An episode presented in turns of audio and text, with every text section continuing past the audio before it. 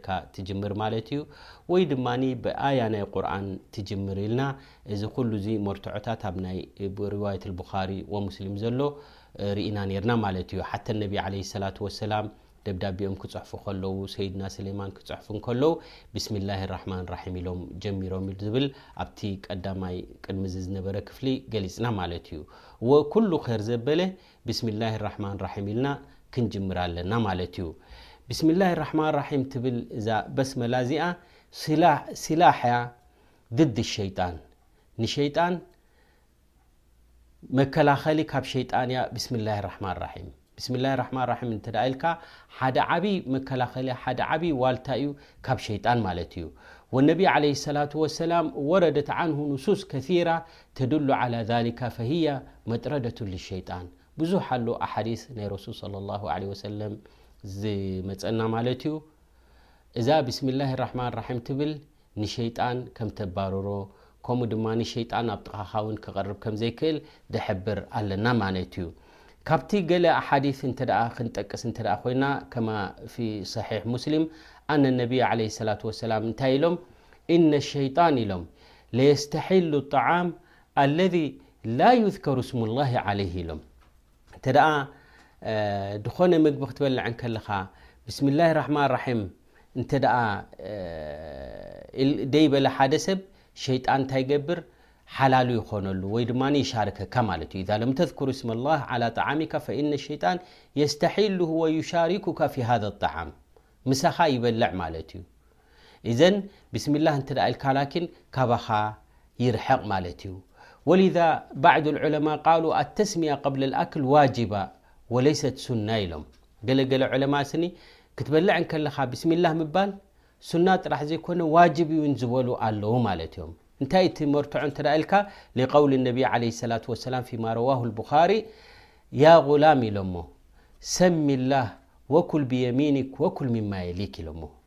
ሓደ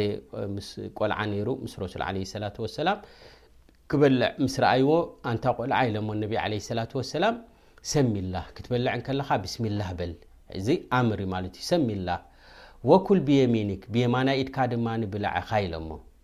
ወኩል ሚማ የሊክ በቲ ቅድሚኻ ደሎ ብኡ ድማ ጀምር ኢኻ ኢሎሞ እዘን ብስሚላህ ኢልካ ምጅማር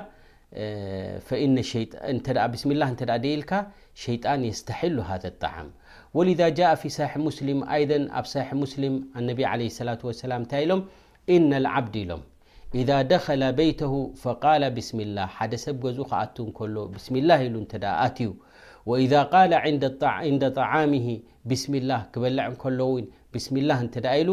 ቃለ ሸይጣን ሊኣዕዋኒሂ፣ ሸይጣን እንታይ ይብሎም ነቶም ብጾቱ፣ ነቶም መኻይዱ ማለት እዩ፣ ላ መቢተ ለኩም ፊ ሃዘል በይት ወላ ዓሻ፣ ኣብዚ ገዛ እዚ መደቀሲ የብልኩም፣ መግቢውን ድራርውን የብልኩምን ይብሎም ማለት እዩ። ወኣማ ኢዛ ለም የዝኩር ስመላህ ዕንደ መድኸሊሂ፣ ክኣቱ ከሎ ቢስሚላህ እንተ ደኣ ዘይሉ፣ ወላ ዕንደ መጥዓሚሂ፣ ክበልዕ ከሎ እውን ቢስሚላህ እንተ ደኣ ዘይሉ፣ እንታይ ይብሎም ሸይጣን፣ ኣድረክቱሙል መቢት ወልዓሻ፣ በሉ መሕደሪኹምን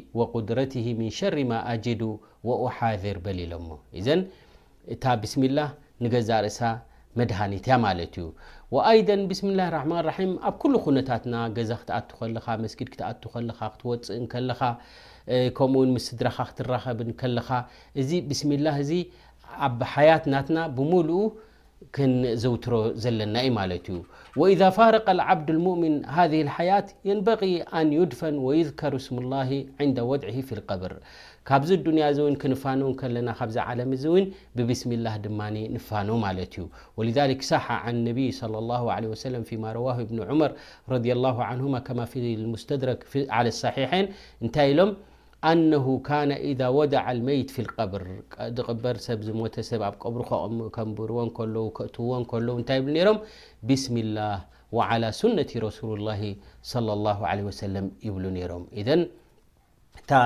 ብስሚላህ ራሕማን ራሒም ምባል ዓቢ ፈድሊ እዩ ዘለዎ ከምኡ ድማ ኩነታትካ በረካ ይረክብ ማለት እዩ ላኪን ከም ገለ ማለት ኣገዳሲ ዝኮነ ክርሳዕ ዘይብሉ ክሕበር ዘለዎ ማለት እዩ እታ ብስሚላ ራሕማን ራሒም ኣብ ገለገለ ዕባዳታት እሞ ደይተጠቐሰት እንተ ኮይና ኣብዚ ግዜ እዚ ከነምፅኣ እውን የብልናን ማለት እዩ ኣብቲ ያኒ ዝኾነ ዒባዳ ተሸሪዑ በታ ተጀሚራታ ደላ ከምታ መጺኣ ዘላ ብኣ ደኣ ክትጅምራ ኣለካ እምበር ብስሚላህ ጽቡቕቲ እያ እሞ ኢልካ ኣብ ኩሉ ከተእትዋ እውን የብልካን ምኽንያቱ ኺላፍ ናይ ረሱል ዓለይሂ ሰላቱ ወሰላም ንኸይትገብር ንምሳሌ ከም ዝጠቕስዎ ዑለማ ኣዛን ክእዘን እንከሎ ኣላሁ ኣክበር ኢልካ እዩ ዝጅመር እንተ ሓደ ሰብ ብስሚላሂ ራሕማን ራሒም ኣእትዩላ እንታይ ይኸውን ኣሎ ማለት እዩ ኺላፍ ሱና ጌርካ ይበሃል ማለት እዩ ሊዛሊክ እታ ብስሚላህ ራሕማን ራሒም ኣብቲ ቦታኣ ከተምፃ ከለኻ እቲ ዝበለፀ ማለት እዩ ወሊሃዛ ገለገለ ኣለው እንታይ ዝብሉ ማለት እዮም ወሚማ ذኪራ ፊ ልበስመላ ወላ ኣስላ ለሁ ገለገለ ኣሎ ኣሰል ደይብሉ መሰረት ደይብሉ ማለት እዩ ብዛዕባ ብስሚላህ ራሕማን ራሒም ድዝክርዎ ኣለው ማለት እዮም እዚ እውን ካብቲ መንገዲ ናይ ረሱል ዓለ ሰላት ወሰላም ደውፅእ ነገራት ኣሎ ማለት እዩ ወሊዛሊክ እንታይ ይብሉ እንተ ደኣ ክድቅስ እንከሎ ዕስራን ሓደን ግዜ ብስሚላ ብስሚላ ብስሚላ ብስሚላ ኢሉ ስኒ ካብ ሸይጣን ይሕሎ ካብ ሰረቕቲ ይሕሎ ካብ መውት ልፎጅኣ ከምኡ ድማ ካብ በላእ ተሓልዩ ይሓድር ድብሉ ኣሎ ማለት እዩ እዚ ዋርድ ኣይኮነን ረሱል ዓለይሂ ሰላቱ ወሰላም ዝገበርዎ ኣይኮነን ስለዚ እታ ብስሚላሂ ራሕማን ራሒም ኣብቲ መጺኣቶ ዘላን ኣብቲ ሰናይ ግብርታት ካሊእ እንሰርሖን ኢኻ ክትብላ ዘለካ ማለት እዩ ገለ ገለ ድማ ንለው እንታይ ይብሉ ኣብ ኣወል ሙሓረም ክኾን ከሎ ሓድሽ ዓመት ክመጽእ እንከሎ ሚእትን ሰላሳን ግዜ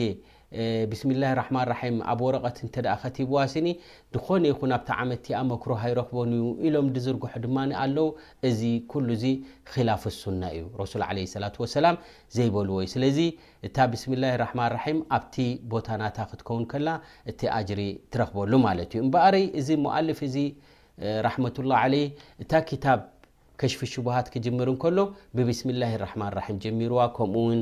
ኣልኡሱለ ሰላሳ ከምቲ ድርኣናዮ ኣልቀዋዒድ ኣልኣርባዓ ከምኡ ውን ክታብ ተውሒድ ኩለን ብቢስሚላሂ ራሕማን ራሒም ኢሉ ጀሚርዎ ማለት እዩ እዚ ክታብ እዚ ከምቲ ኣብ መእተዊ ዝገለጽናዮ ከሽፊ ሹቡሃት እዩ ዝብል ነቲ ንመንገዲ ሓቂ ዘደናግር ነገራት ንዕኡ እንታይ እዩ ዝገብሮ ዘሎ ማለት እዩ ንዕኡ እዚ ማለት ምኽሻፉን ምቕልዑን ማለት እዩ ምክንያቱ ኩላ ግዜ ንመንገዲ ሓቂ ድጻረሩ ብዙሓት እዮም ዘለዉ ማለት እዮም። ነቲ መንገዲ ሓቂ ድማ ነቲ መንገዲ ባጥል ድሓዙ ድማ ብፍላይ ኣብ ሽርኪ ዝወደቁ ሰባት ድማ እንታይ ይገብሩ መብዛሕቱ ግዜ ማለት እዮም ነቲ ዝገብርዎ ዘለዉ ሽርኪ ነቲ ዝገብርዎ ዘለዉ ቢድዓ ንዕኡ መርትዖ ክኾነና ኢሎም ድማ ኩላ ግዜ ሽቡሃት የምጽዮም ደመሳሰል ነገራት የምጽዮም ድኾነ ይኹን ቢድዓ ዝገብር ወይ ድኾነ ይኹን ካብ መንገዲ ረሱል ወጽዩ ኣነ ወጽየ ኣይብልን እዩ በል ኣብቲ ሱና'የ ዘለኹ እንዳበለ ካብትን ካብትን ኣምጺኡ ድማ መርትዖ ኣለኒ ይብል ማለት እዩ። ኩላቶም ከምኡ እዮም ዝገብሩ ማለት እዮም። ወሊዛሊክ እዚ መርትዖ ኣለና እናበልካ ምቕራብ ካብ ኢብሊስ ጀሚርካ ክሳብ የውመል ቅያማ ኣህሊል ባጥል ዝድገፉሉን ዝምርኮሱሉን እዩ። እንተኾነ ግን ኩሉ ባጥል እዩ ማለት እዩ። ወሊሃዛ ሸይጣን እውን ሑጃ ናቱ እንታይ ኣቕሪቡ ስገድ ምስ ተባሃለ ኸለቅተኒ ሚን ናር ወኸለቅተሁ ሚን ጢን ኢሉ እዚ ናቱ ሑጃ ኢዩ ማለት ኢዩ ወሊዛሊክ ኩሉ ሙብተዲዕ ቢድዓ ላቡዳ ኣን የስተኒድ ወየተኪ ዓላ ሚስሊ ሃዚህ ሹብሃ ኩላ እቶም ቢድዓ ዝገብሩ ወይ ድማ ኺላፍ ናይ ረሱል ዓለይሂ ሰላቱ ወሰላም ዝወድቁ ሰባት መመርኮሲኦም ዝኸውን ከምዚ ዓይነት ደኣ መሰለ ሓቅነት ዘይብሉ ሹብሃታት የምጽኡ እዮም ዘደናግር የምጽኡ እዮም ማለት እዮም ወሊዛሊክ ነዚ እዮም ድማ ብዙሓት ማለት ዑለማእ ነዚ ከሽፊ ሹብሃት እዚ ብጣዕሚ ኣገዳሲ እዩ ዝብልዎ። ንምንታይ እንተ ተባሂሉ ምኽንያቱ እዚ ጉዳይ እዚ እዚ ሹብሃት እዚ ቀጻሊ እዩ። ኩላ ግዜ በብእዋኑ ሓሓድሽ ሹብሃታት እንዳምጽኡ ነቲ ቢድዓ ናታቶም ከማዕብሉ ዝደልዩ ስለ ዘለዉ ማለት እዮም። ወሊዛሊክ እምበኣር እዚ ሙኣልፍ እዚ ብስሚላሂ ራሕማኒ ራሒም ምስ በለ ብድሕሪኡ እንታይ ኢሉ እዕለም ረሒመከላህ ኢሉ።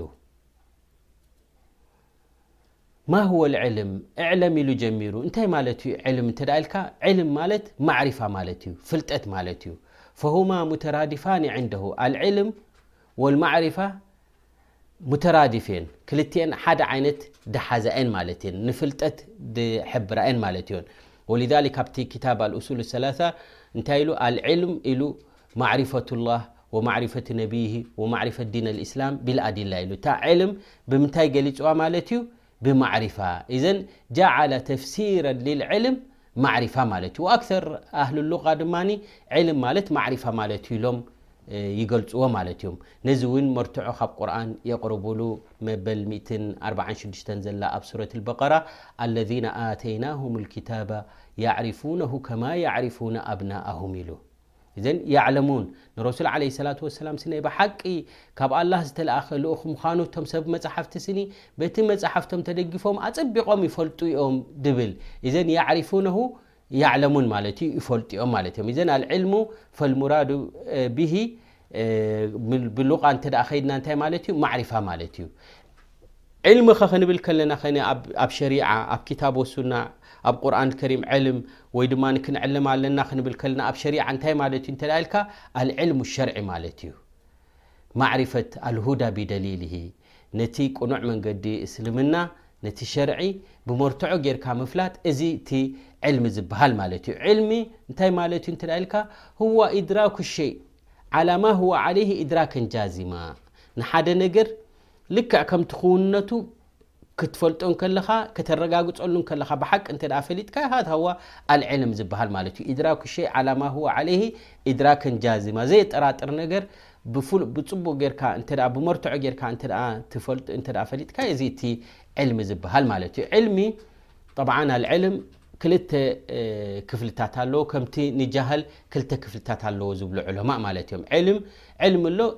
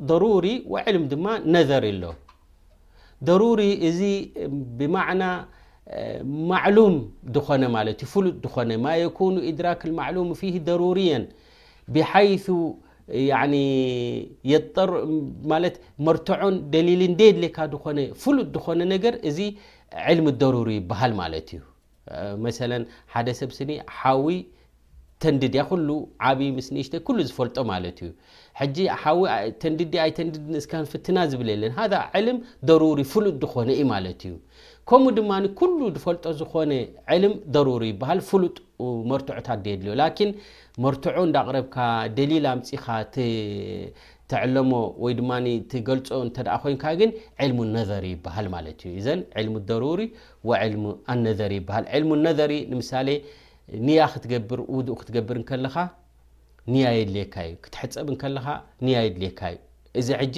መርትዖ የድልዮ ካብ ቁርኣን ወይ ድማ ካብ ሱና ድዩ እንታይ ኣሎ ኣቅዋል ልዕለማ ኢልካ ደሊል ነዘሪ የድልዮ ማለት እዩ ኢዘን እዚ እቲ ዕልም ደሩሪ ወዕልሙ ነዘሪ ዝበሃል ማለት እዩ ከምኡ ውን ዑለማ እንታይ ይብሉ ንገዛእ ርእሱ እቲ ጃህል እቲ ድንቁርና ውን ኣብ ክልተ ይምቀል ይብሉ ጃህል ኣሎ በሲጥ ወጃህል ድማ ሙረከብ ይብሉ ጃህል በሲጥ ወሁወ ዓደሙል ማዕሪፋ ንሓደ ነገር እተ ደይፈሊጥካዮ ኣይትፈልጦን ኢኻ ደይ ምፍላጥ ሃዛ ጃህል በሲጥ እዩ ላኪን ጃህል ሞረከብ ዝበሃል እንታይ እዩ እተ ኢልካ ወህዋ ማዕሪፈቱ ሸይ ዓላ ኪላፍ ማ ሁወ ዓለይሂ ንሓደ ነገር ስኒ ነቲ ሓቂ ነቲ ክውነት ስኒ ብኣንጻሩ ጌርካ ክትርድኦ ከለኻ እዚ እንታይ ይበሃል ማለት እዩ ጃህል ሙረከብ ይበሃል ማለት እዩ ሁወ ለዚ ወይ ድማ ዩዕጢ ማዕሉማት ኻጢኣ ነቲ ደይ ቁኑዕ ገይሩ እፈልጥ እየ በሃላይ እተ ኮይኑ ዘይቁኑዕ መልእኽቲ ዘመሓላልፍ እተ ኮይኑ ሃ ዕንዱ ጃሃል ሙረከብ ይብሉ ማለት እዮም ወ ዑለማ እንታይ ይብሉ ስኒ ፈሁዋ ላ የድሪ ይብሉ ወላ የድሪ ኣነሁ ላ የድሪ ይብሉ ኣይፈልጥን እዩ ኣይፈልጥን ምዃኑ ድማ ኣይፈልጥን እዩ